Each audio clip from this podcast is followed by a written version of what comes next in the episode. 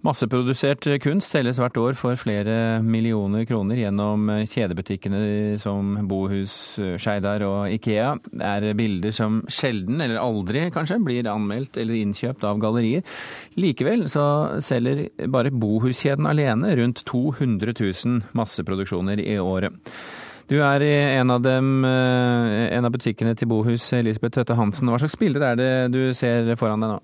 Vet du, Her har de bilder av ymse kategorier, får jeg vel si. Det er alt fra street art med masse farger og elementer i bildene, til helt rene bilder som av en isbjørn, av en elg, til Marianne Aulis kjente klovnebilder. Så det er noe for enhver en smak, får man vel si. Selges de også som kunst?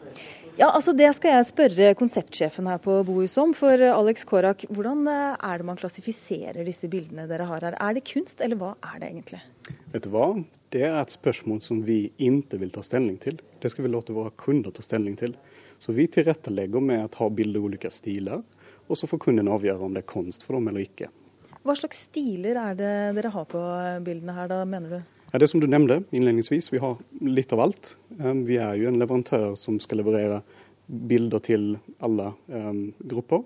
Og bl.a. så har vi da fargeglade bilder um, ja, som street art, og så har vi klassiske bilder um, og fotokunst osv.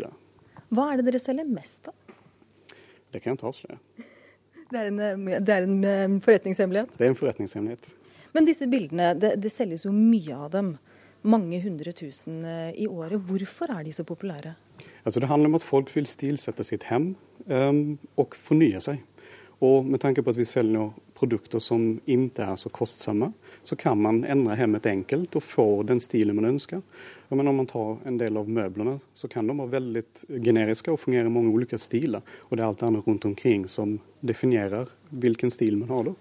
Og er, bilder er en naturlig del av det.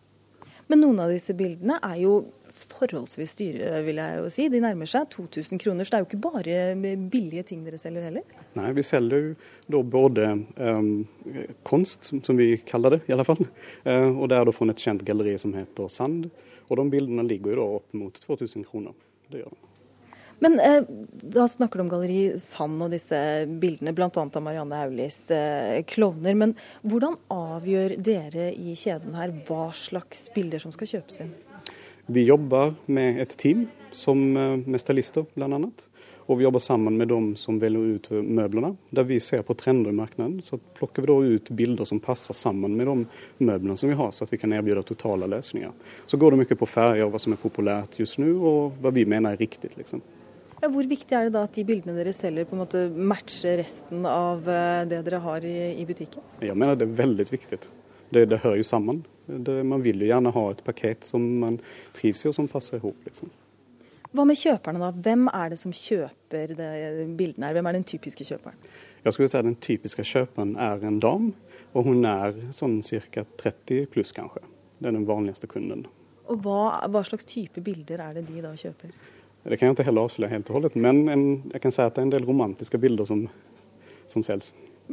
Så romantiske bilder til uh, jenter i 30 pluss-alderen er det det altså går mest på her. Men hvorvidt det er kunst eller ikke, det får vi eh, overlate til noen andre. Elisabeth Tøttansen, takk for at du eh, var med oss nede fra Skøyen i Oslo. Velkommen til Kulturnytt, Dag Solhjell kunstsosiolog ved Høgskolen i Telemark. Du må sette deg litt nærmere mikrofonen, er du snill. Eh, Solhjell, da han, eh, han, sa at de solgte bilder til opptil 2000 kroner, så kom du med en tørr liten latter. Ja. Hvorfor det? Fordi at prisen er jo latterlig lav. Det fins neppe et seriøst galleri i Norge som selger kunst til under 5000 eller 6000 eller 10 000 kroner. Så 2000 er for, for, for lavt ja. for kunsten, men for høyt for butikken, eller? Altså, Vi er jo her ute etter eh, et sted hvor det er massesalg. Hvis du ganger 200 000 med 2000, så får du atskillige millioner. Og det er her fortjenesten ligger. Det ligger jo ikke i fortjenesten på det enkelte bildet. Det ligger i fortjenesten på den totale omsetningen. Du, du, eh, hvorfor kjøper folk kunst hos møbelkjedene? Jeg vil si at eh, La meg først si at som kunstsosiolog så tar jeg ikke standpunkt til hva som er kunst eller ikke kunst. Jeg prøver, ikke du heller? Jeg prøver, å, jeg prøver å undersøke hva som bestemmer det. Og, og jeg tror at eh, begrepet kunst har en veldig høy status og legitimitet i samfunnet. Alle har respekt for kunsten. Men det de ikke ønsker, de ønsker ikke å uh, utsie noe kunnskapsmessig om det de har på veggene. Slik at de kjøper seg en slags kunsterstatninger for å vise at de har en bestemt uh, smak. Men de vil ikke bli utfordret på uh, sitt kunnskapsgrunnlag om denne smaken. Men hva er det som... At, dette, er jo, dette, er jo, stort sett uh, bilder som ikke har en kunstner, altså en opphavsperson, med noen få unntak. Men altså, hvis det er en kopi av et, et kunstbilde, et, et, maleri, det er en kopi, og den øh, lages i 10 000 eksemplarer f.eks., er det da kunst? Nei, det, dette er ikke kopier av kunstverk. Dette er nyskapte bilder som skal spille sin egen rolle. De har ingen det er ikke, det er, På sånn sett så er det ikke erstatninger for originalen. Det er erstatninger for kunsten. Kunsterstatninger, rett og slett? Ja. Tommy Olsson, kunstkritiker i Morgenbladet, er du enig i den definisjonen? Ja, strengt tatt.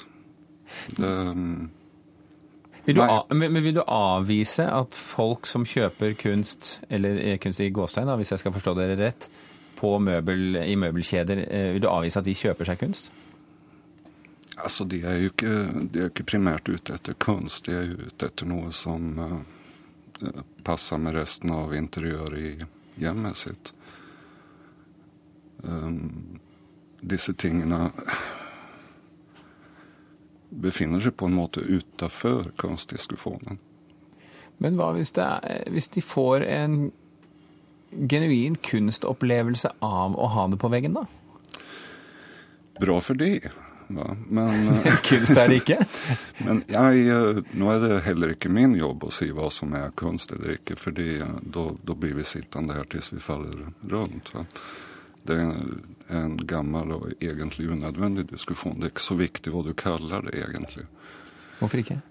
Nei, for altså Hvis du Hvis du er fornøyd med en billig visuell kick som ikke gir deg nødvendigvis noen kredibilitet i et eh, hardcore, intellektuelt eh, lite kunstmiljø, så fint. Va?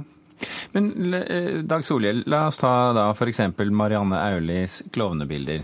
Som, som uh, hun maler, og man kan kjøpe ett og ett på kunstgallerier. Men så trykkes de også opp til møbelkjedene, og så kan man kjøpe de der for en lavere pris. Hva utgjør forskjellen på kunst og ikke-kunst?